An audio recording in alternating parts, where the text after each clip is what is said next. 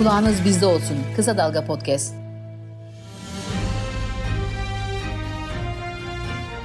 Usta gazeteci Faruk Eren'le söz her hafta salı günü Kısa Dalga'da. Merhaba, ben Faruk Eren. Memleket gündemi yoğun. Her biri aylarca tartışılması gereken meseleler elimizin altından kayıp gidiyor. Gerçekleri saklamak için tasarlanmış bir kaos var sanki. Meseleleri etraflıca ele almak, bugün gazeteciliğin en önemli ihtiyaçlarından biri. Her hafta salı günü bir gazeteciyle gündemdeki bir konuyu enine boyuna ele alacağımız söz programı ile kısa dalgada olacağım. Beklerim efendim.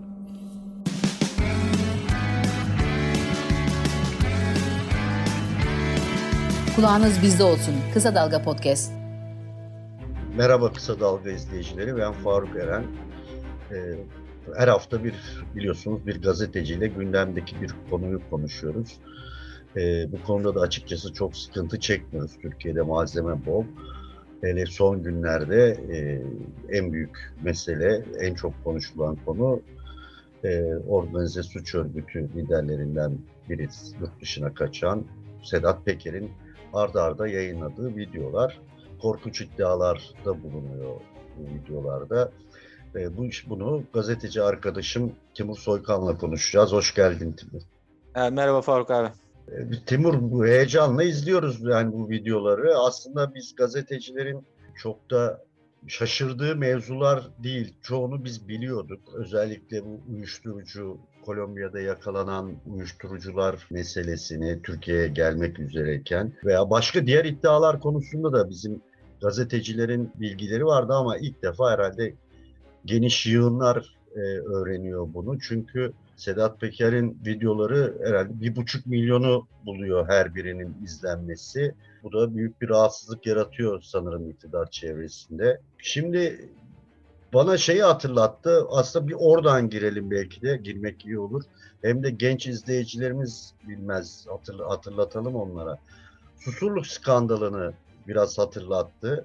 Susurluk skandalı işte devlet, mafya, aşiret ilişkilerinin ortaya saçılmasıydı. 1996 Kasım ayında bir trafik kazasıyla ortaya çıktı bu. Şimdi de yine devlet çete ilişkileri konuşuluyor. Bir de bu kaset konusu da biz kaset diyoruz tabii eski nesil olarak. Susurluğun hemen ardından yani Korkmaz Yiğit galiba tabii Korkmaz Yiğit bir video yayınlamıştı. Bana kategorik olarak biraz onu andırıyor. Yani kendini korumak için bir kaset alıyor ve bildiklerimi söylerim gibi bir şeydi. Sanırım Sedat Peker de kendine ne bir pazarlık alanı açıyor bu videolarla. Ee, buradan başlayalım. Ne dersin? Sonra da bu senin Baronlar Savaşı kitabıyla çok hakim olduğun bir alana uyuşturucu meselesine gireriz. Ya Faruk abi çok haklısın. Ya 1990'ları ve e, o dönemki Susurluk kazasından sonra ortaya saçılan skandalları e, çok anlatan, hatırlatan gelişmeler yaşıyoruz. Yani birincisi e, aktörler bile aynı neredeyse. Yani Sedat Peker'in ismi e, Susurluk skandalında da geçmişti. Yani Susurluk raporlarında da hatta Kutlu Savaş'ın hazırladığı o zamanki teftiş kurulu başkanı e, o, onun raporlarında da vardı. Aynı şekilde Sedat Peker'in Veli Küçük'le Mehmet Ağar'la ilişkileri gündeme geliyordu. E, şimdi yine Mehmet Ağar'la Sedat Peker bu sefer karşı karşıya gelmiş bir halde ve Sedat Peker'in suçlamalarını e, hep böyle eski Susurluk döneminden de hatırladığımız isimlere, kişilere yöneliyor. Burada tabii şöyle bir durum var. Aslında AKP de bir şekilde o 90'larla hesaplaşma e, vaatleriyle iktidara gelmişti. İşte 3Y vaatleri diyorduk işte yasaklarla mücadele, yoksullukla mücadele, yolsuzlukla mücadele demişti. Ve o hatta ondan önce bu Saadettin Tantanların döneminde bir operasyonlar da yapılmıştı bu suç örgütlerine dair. Ve böyle bir anlamıyla o susurluk hep böyle bir bitmiş bir dönem olarak gösterilmeye çalışıldı. Ama şimdi görüyoruz ki o zaman kurulan ilişki ağlarının aynısı hayatta, ayakta ve devam ediyor. Kutlu Savaş'ın raporunda çok açık bir şekilde şu tespit yapılıyordu. Yani burada suç örgütleri var. Senin hatırlattığın gibi Korkmaz Yiğit'in kaset doldurması olayı, onun öncesindeki yaşananları hatırlayalım. E, Fikir Sağlar, Korkmaz Yiğit'le Alaaddin Çakıcı'nın ses kayıtlarının olduğu bantları yayınlamıştı. Yani CHP açıklamıştı. Ve o bantlarda Türk Bank'ın satın alınması. Baksana abi bankanın ihalesi söz konusu. 600 milyon e, liraydı sanırım. Yani öyle bir parayla o banka satın alacak bir suç örgütü. Sadece o da değil, o evcillerle, şunlarla bunlarla çok büyük ihaleleri mafya unsurlarının müdahale ettiği görülüyordu. İşte orada aslında şu ortaya çıkıyordu. Bunlar sadece mafya olarak tanımlanacak yapılanmalar değil. Bunlar aynı zamanda o devletin temelinde olan yani o yönetim biçiminin içinde çok önemli bir role sahip olan güç unsurları bunlar. Yani mafya demek bunları açıklamaya yetmiyordu. Yani yoksa mafya o kadar büyük ihalelerde yani bütün ülkenin en büyük özelleştirilmelerinde böyle bir rol alamaz. Hatta daha sonrasında işte Korkmaz Yiğit'in kimyan bozuldu diye bir video e, yollayıp ondan sonra da cezaevine girmesi süreci oldu. Ama şimdi baktığımızda aynı biçimde o örgütlenme nasıl devam etti? Çünkü o ay, susuluk döneminde şunlar aydınlatılmadı. Orada kamu bankaları vardı. Kutlu Savaş'ın raporunda aynen şey şunu söyler. Yani üç kamu bankasından buraya giden paralarda geri dönüş olmamış. Yani bir para banka mı bankaları yanmalanmış bir şekilde. İşte orada da gravatlılar dediği işte siyasiler, bürokratlar kısmı aydınlatılmamış. E şimdi aradan yıllar geçti ve çok büyük de bir dönüşüm yaşandı açıkçası. Yani o eski devlet de yok, o kit yapısı, işte o devlet kurumlarının olduğu yapılanma da yok. Bugün geldiğimiz noktada bir tek adam rejimi için inşa edilmiş ve herkesin saraya yakınlık derecesine göre güç kaptığı, alan sağladığı, alan kazandığı e, ve büyük bir yağma ve yolsuzluk sisteminin işlediği e, bir atmosferin içerisinde artık eskisinden bile cüretkar o suç yapılanmaları devam etti. Hep devam etti. Hatta Sedat Peker olayına baktığımızda Sedat Peker daha düne kadar e, mitikler düzenliyordu işte 31 Mart seçimleri için. E, AKP ve işte MHP, Cumhur İttifakı'na oy isteyen e, mitikler düzenliyordu. Mitiklerde e, Tayyip Erdoğan'la birlikte çekilmiş fotoğrafları pankart yapılıp asılıyordu. Yani Tayyip Erdoğan'la fotoğrafları var Sedat Peker'in. Sedat Peker için televizyonlarda doğum günü kutlamaları düzenleniyordu. Sedat Peker'in sosyal medya fenomeni olmuştu. Sedat Peker Suriye'de ÖSO'ya yani Suriye İç Savaşı'ndaki ÖSO'ya 4x4 e, araçlar, çelik yelekler gönderip bunların reklamını, tanıtımını yapıyordu. Yani daha düne kadar e, bütün bu siyasi iktidarın güç unsurlarından biri olarak sahnedeydi. Ama bir şeyler değişti. Özellikle Çakıcı'nın MHP'nin ısrarları sonucu bir afla yani Çakıcı affıyla Çakıcı'nın çıkmasından sonra ki süreçte, gerçi Sedat Peker önceden gitmişti yurt dışına ama belli ki yeni alanlar yeniden paylaşılıyor ve hiçbir şu gerçek hiçbir zaman değişmiyor. Bir uyuşturucu parası her zaman böyle konuların temelindeki önemli finans yani bunun kaynaklarından biridir. Bir de Türkiye'de Azerbaycan'daki Azerbaycanlı oligarkların Türkiye'deki yerleşimi ve Türkiye'deki suç örgütleriyle ve kendini derin devlet olarak da gösteren bu suç örgütleriyle ilişkisi hiç değişmemiş. Aynı şekilde aldık bunun e, 2021 versiyonunu susurluğun ortaya çıktığını görüyoruz. Ve ilk başta Sedat Peker'in açıklamalarını iktidar biraz böyle görmezden gelelim tarzı yaklaştı ama senin dediğin gibi sosyal medyada çok büyük ilgi görüyor. E, ve o devam ettiği sürece de artık durdurulamaz ve skandal boyutlarını her geçen gün büyüten bir hale geliyor. E, bu tabii çok dikkat çekici ve çok çok önemli gelişmeler olduğunu düşünüyorum. Evet. Ya aslında hani bu sosyal medya fenomeni e, oldu bir ara diyorsun ya Sedat Peker için. Şu anda da aslında bu sosyal medyayı iyi kullanıyor. Yani yeni nesil yayıncılık yapıyor.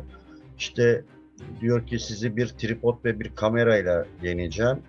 Ee, işte bir takım bizim anlamakta güçlük çektiğimiz veya birilerinin bu videoların şifrelerini zorladığı, işte arkaya bir görüntü koyuyor, masaya bir takım objeler koyuyor. İşte fener koymuş mesela işte ne demekse e, hatta Isaac Deutscher'in e, Troçki biyografisini koydu bir videosuna. Yok işte Zülfikar taktı boynuna vesaire. Bu tür mesajlar da veriyor ki bu yeraltı dünyasında herhalde bu tür simgelerle mesajlar vermek e, çok şey böyle e, alengirli laflarla birbirlerine laf atmalar. Çok severler bunları. Evet. Hatta gazeteciliği öğrenirim diyor. Ee, ben gazetecilere de kızıyor. Gerçi kızmadığı kimse yok. Solculara da kızıyor. Ee, herkesten şey yapıyor. Ama e, bu son videosunda mesela diyor ki oyun yeniden kuruluyor diyor. Bu senin dediğin acaba e, Çakıcı'nın taliyesi vesaire e, bu zaten bir oyunun yeniden kurulduğunun göstergesi. Öyle değil mi? Yani Abi bu şu kesin tasfiye edilmek istendi ve şöyle oldu. Ee, yani çok öne çıkartılmıştı. Yani bir siyasi iktidar, bir mafya daha önceden suç örgütü yöneticiliğinden sabıkalı e, bu e, misyonu da hala kullanan bir kişiyi kendi iktidarı için kullanmaya başlarsa bu olacağı bellidir zaten. Aklı olan iktidar bunu yapmaz. Bu kadar gözler önünde bu işi yapmaz yani.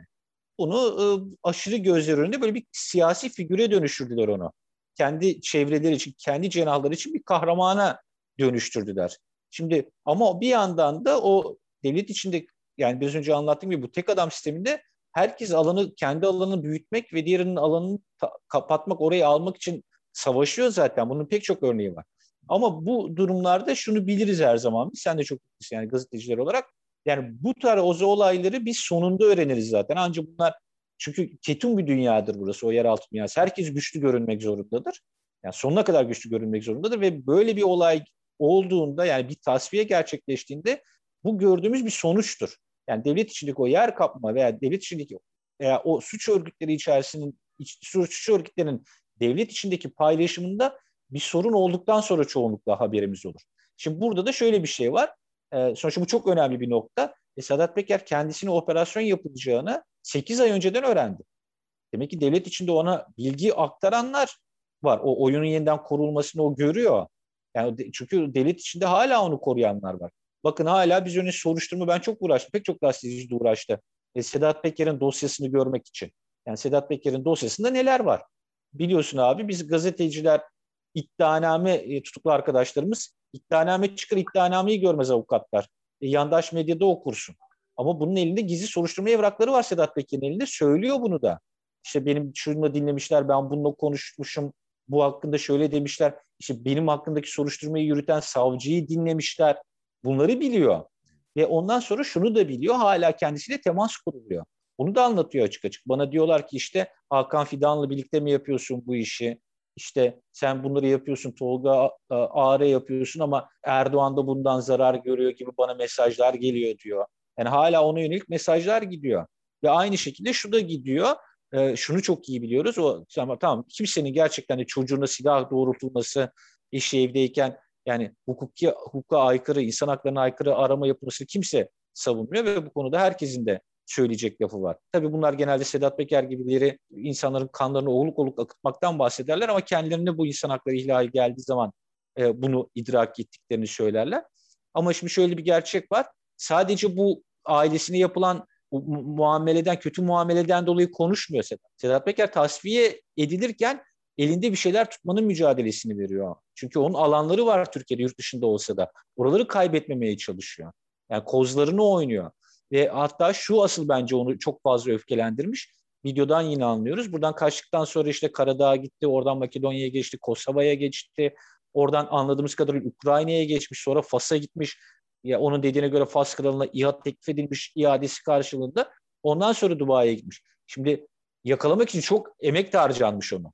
Yani onu alıp Türkiye'ye yani bu konuşmasının önüne geçmek için onu o coğrafyada tırnak içinde paketleyip getirmek için e, ciddi bir operasyon olmuş. Bir çalışma olmuş. O da bunu gördüğü için ipinin çekildiğinden emin. Ve onun için bu kadar konuşuyor, bunları ifade ediyor. Evet. Tabii bunları ifade ederken de o karşısında gördüğü e, eskiden beri zaten o, o sözü en haklı söz o herhalde. Ben bunun içinde büyüdüm diyor. Ortasında büyüdüm diyor. Aynen de öyle. Çünkü hep o misyon bir misyonu vardı orada. Hatta Veli Küçük'le görüşmelerini gazetecileri röportajlarda anlattı. Veli Küçük ya ondan uyuşturucu satıcıları ile ilgili bilgi istemiş ama bu bilgileri vermemiş. Ben hiçbir oyuncu değilim diye anlattığı şeyler var. Kayıtlar var. internette duruyor hala. E şimdi bütün bunları koyduğumuzda ortaya o paylaşımdan kopartılmış yani o tasfiye edilen ve bunun hıncıyla da en kritik yerlerini bildiği yani en hassas yerlerini bildiği ve kendisini de sıyırabileceğini düşündüğü yerlere nokta atışları yapan videolar hazırlıyor. İşte bence şey çok önemli. Yani o Kolombiya'da yakalanan 5 e, ton uyuşturucu kısmı biz gazeteciler defalarca bunu söyledik, yazdık, çizdik, sorduk ama bir yanıt alamadık devletten. Şimdi o ifade edince bunlar önemli hale geliyor. Yine Marina evet. hikayesi öyle. Bağımsız, objektif, kaliteli haber. Kısa Dalga Medya. Oraya şimdi oraya gelelim. Hani Susurluğa benzettik. Gerçi bu Susurluk'tan daha devasa bir şeye de benziyor. Tabii karşılaştırılamaz. Öbür tarafta da binlerce faili meçhul cinayet vardı biliyorsun 90'larda. Ee, ama Susurluk skandalının önemli şeylerinden biri de bir Lucky S olayı vardı. Uyuşturucu dolu bir çilep Akdeniz'de. Ee, yine Susurluğun da önemli ayağı uyuşturucu ticaretiydi. Çünkü e, büyük bir e, para var. Bizim hayal edemeyeceğimiz kadar büyük para. E, ve bunun etrafında dönüyor sanırım her şey. Şimdi bu sen Baronlar Savaşı kitabında da e, çok detaylı bilgiler verdin. Hatta okurken şaşırdık bazı şeylere. Evet, Kolombiya'daki kokain meselesine gelelim. Yani Türkiye'ye gelmek üzere olan bir gemide 4 ton 900 kilogram, 5 ton. Bu kokain bu nasıl bir büyüklük? Nedir bu olayı? Senden dinleyelim. Abi bu çok çok çok büyük bir büyük bir miktar. Yani Türkiye için. Türkiye Afganistan'dan gelen uyuşturucunun Avrupa'ya götürülmesindeki rotada yani Balkan rotasında en kilit ülke. Yani eroin ticaretinde Türkiye e, çok e, şey e, yüksek oranda yakalama yapılan bir ülke. E çünkü tonlarca geçiyor. Yani yıllardır bu rota değişmez. Yani kuzey rotası vardır, güney rotası vardır ama her zaman ana rota Afganistan, İran, Türkiye, Balkanlar oradan Avrupa'dır. Ve bu rotada dünyadaki yani Afganistan dışında dünyada yakalanan eroinin yüzde 60'ı yaklaşık yakalanır her yıl. Yani yüzde 60'ı bur yani buradan gittiğini düşünebiliriz bu yakalamalara göre baktığımızda. Tabii gelip geçeni biz bilmiyoruz. Yani bil, şunu bildiğimiz şu, Türkiye'de yılda e, yaklaşık 20 ton yani kimi zaman 17, kimi zaman 18, en son 2019'da 20 ton 165 kilo eroin yakalandı bir yılda. Şimdi bu Avrupa Birliği ülkelerinin tamamında bir yılda yakalanan uyuşturucunun dört katı.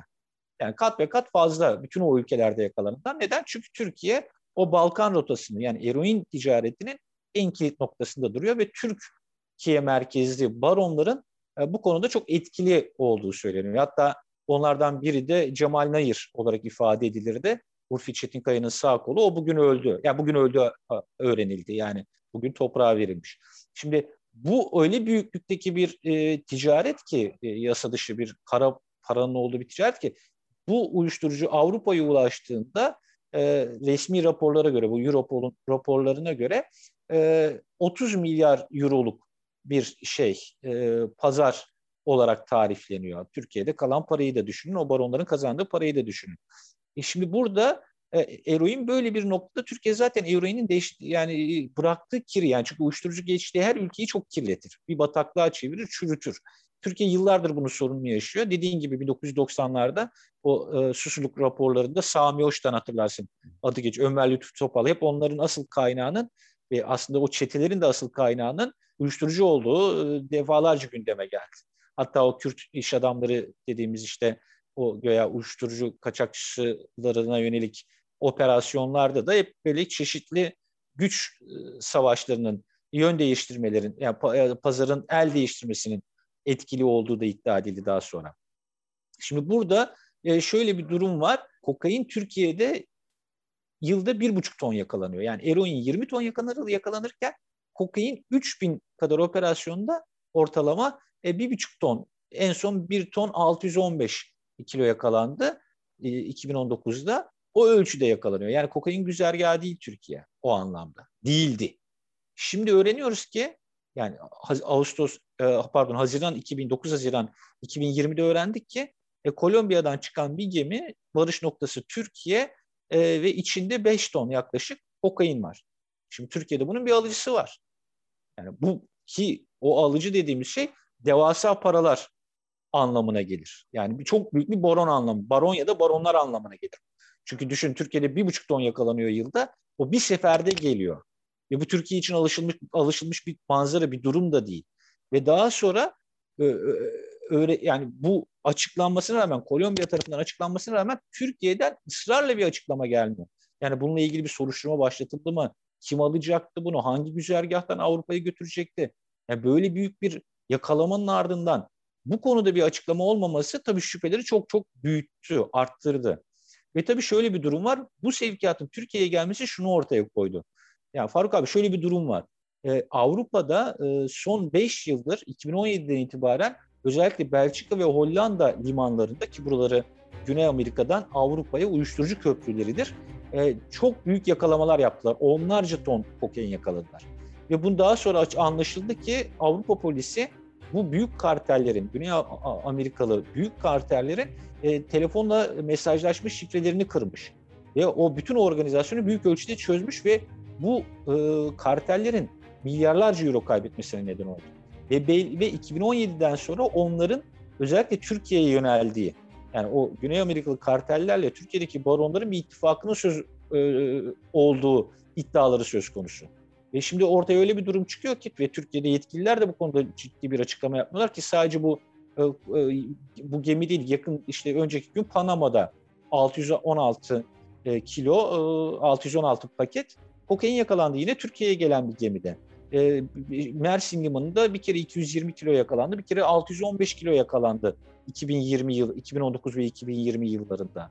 Aynı şekilde İzmit'te Dilovası'nda daha çok yakın yani Ağustos 2020'de 540 kilo kokain yakalandı. Şimdi bunların hepsini bir toplayıp baktığımızda ne görüyoruz? Yani burası eroinden sonra bir kokain rotasına da dönüşüyor Avrupa'ya doğru. Peki Ve bu e, da çok daha büyük bir kir, çok daha büyük bir kirlenme demek. Sedat Peker diyor ki yani bunun İzmir'e geleceği, İzmir'de bir limana yanaşacağı, kime geleceği? Kimya firmasının e, o öyle diyor. Bir kimya firmasına e, geliyordur resmi alıcı olarak görünüyor diyor. Şimdi bunlar şöyle Faruk abi yani e, o konteynerler, o gemilerdeki o konteynerlerin göndericisi belli.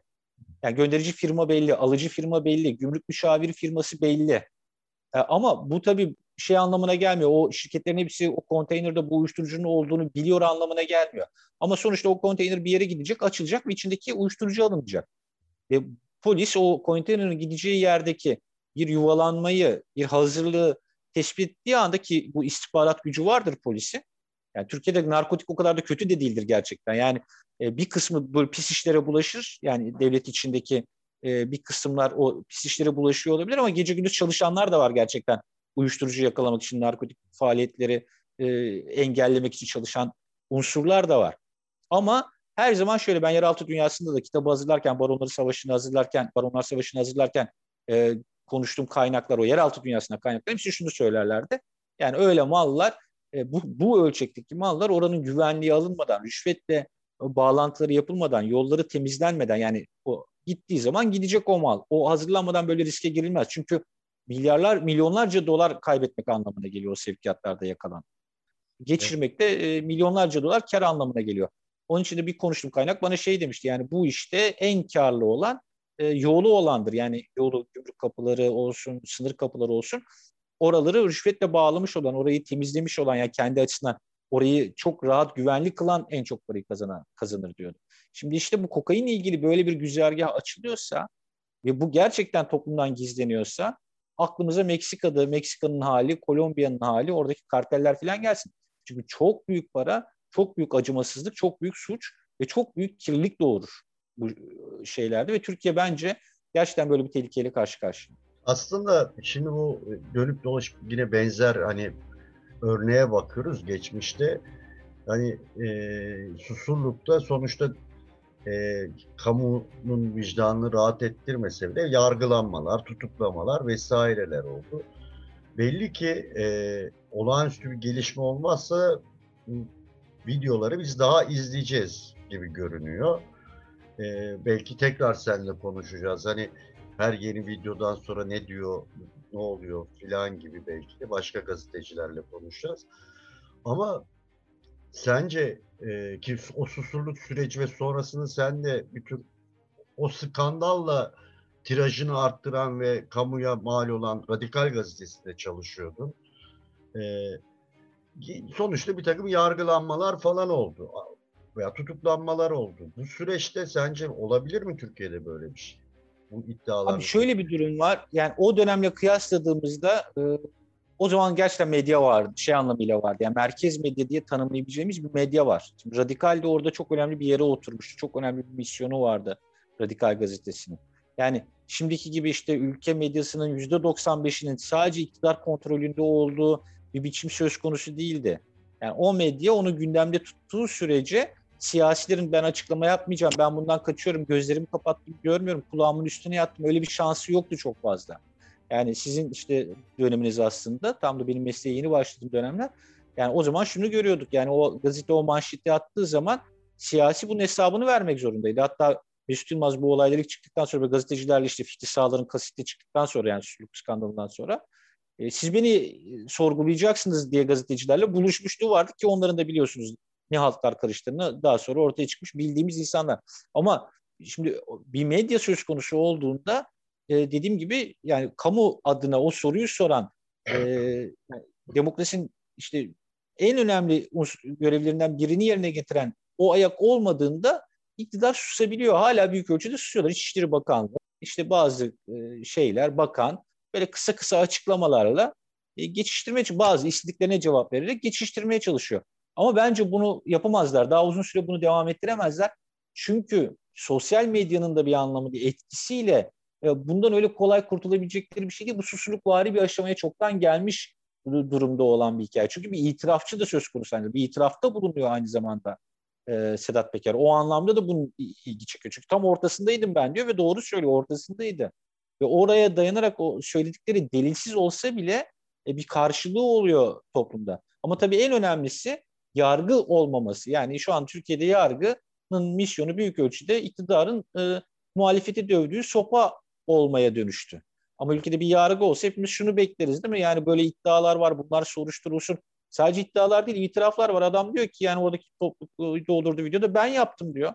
Faili benim diyor. Eski milletvekili karakolda dövdürdüm, kemiklerini kırdırdım diyor. Şimdi Fe Feyzi iş başarını kastediyor. Evet. Feyzi iş başaran yarını yalan yok. Kemiklerimi kırdıramadı. Gönderdiği, beni dövmesi için gönderdiği kişiydi. Ben de harp ettim diyor ama e sonuçta o da bir yandan e, Sedat Peker diyor ki bir AKP'li milletvekili istedi benden diyor. Şu anda da AKP'nin MKYK'sında diyor. Evet. E şimdi bunlar itiraf. Yani faili olarak bunları söylüyor bu ama buna da soruşturma açıldı. Hem yargı hem medya olmadığı için böyle kala kalıyor gibi gözüküyor. Ama ben her zaman şuna inanıyorum. Bir ülkenin medyasını, merkez medyasını yok ettiğinizde, bir ülkenin yargı unsurlarını yok ettiğinizde bunun yaratacağı rivayet ve sizi de yakar. Yani onları da bu rivayet sistemi yani bu her şeyin rivayetle yayıldığı, doğrulama şansının kalmadığı bu sistem onlara da zarar verecek bir hale gelecek eninde sonunda ve geldi hatta. Evet. Aslında hani devlet mafya ilişkisinden söz ediyorduk ki bunun en şeyi e, bir Zindaşlı olayıydı galiba. İşte Burhan Kuzu'nun e, aracı olması ve süremizin de sonuna geldik aslında. İstersen bunu da son örnek olarak izleyicilerimize hatırlatıp bitirelim programı. Tamam abi. Yani şöyle e, o aynen biraz önce anlattığım yani işte uyuşturucunun geçtiği ülkeleri nasıl kirlettiğine dair çok çarpıcı örnekler Baronlar Savaşı kitabında yer alıyor. Ee, şöyle ki örneğin İranlı uyuşturucu baronu olduğu iddia edilen İranlı Zindaş'tı e, yakalandı Türkiye'de ve hapse atıldı. Hakkında cinayet iddiaları vardı. Ki yani ben o kitapta sonuçta şunu anlattım. Yani uyuşturucu yüklü gemiler, yani tonlarca uyuşturucu yüklü gemiler, profesyonel tetikçiler, Dubai'den Kanada'ya, İstanbul'dan Tahran'a işlenen cinayetler zinciri, dediğim gibi biraz önce kirli polisler, kirli bürokratlar ve yargı kararları, kirli yargı kararları. Şimdi onlardan bir tanesi Zindaşlı serbest bırakılmasıydı. Burhan Kuzu'nun Cumhurbaşkanlığı sarayından e, hakim ve savcıları aradığı ortaya çıktı. Bütün dökümleriyle elimizde onların belgeleri. E, kendisi de kabul etti. Ve aynı şekilde e, serbest bırakan hakim şu an Zindaşlı'yı serbest bırakan hakim 3,5 milyon dolar rüşvet almaktan yargılanıyor. Erzurum'da yakalanan bir uyuşturucu var. İlk defa Barış Terkoğlu yazdı onu. Erzurum'da yakalanan 1,5 tonluk bir eroin sevkiyatı var. Orada bir savcı, Erzurum Adliyesi'nin bir savcının soruşturmayı yürüten savcıya rüşvet teklifi ettiği iddiası var. O soruşturmayı yürüten savcı suç duyurusunda bulundu tutanak düzenli. Şimdi bu bütün bu kirlilikler yani düşünün benim kitapta yani çok sayıda cinayet var. O cinayetlerin Dubai'de işlenen cinayetin failleri Kanada'da öldürülüyor. Yani böyle küresel bir e, suç örgütlerinden de bahsediyoruz. Ve bunların parası çok güçlü, çok fazla olduğu için e, şimdi diğer suç örgütleri hepsi diyor ki işte biz uyuşturucu işi yapıyoruz falan diyenler oluyor çok. Ama aslında hepsi de bundan besleniyor. Onların işte tetikçilik kısımlarında sahneye çıkabiliyorlar. E, kaçırma kısımlarında sahneye çıkabiliyorlar. Hesaplaşmalar kısmında sahneye çıkıyorlar. Çünkü o paradan herkes besleniyor. Ve bu da bu ülkeyi bataklığa haline getirmeye yetecek bir gerçek. Umarım tabii ki o bataklığa dönüşmez hala da. Evet bir çürüme var o kesin çok pis kokular yayılıyor. Umarım bu günleri atlatırız bir an, bir an önce ve istediğimiz demokrasiye, özgürlüklere kavuşuruz. Çok teşekkür ederim Timur. Ben teşekkür ederim Faruk abi. İyi akşamlar.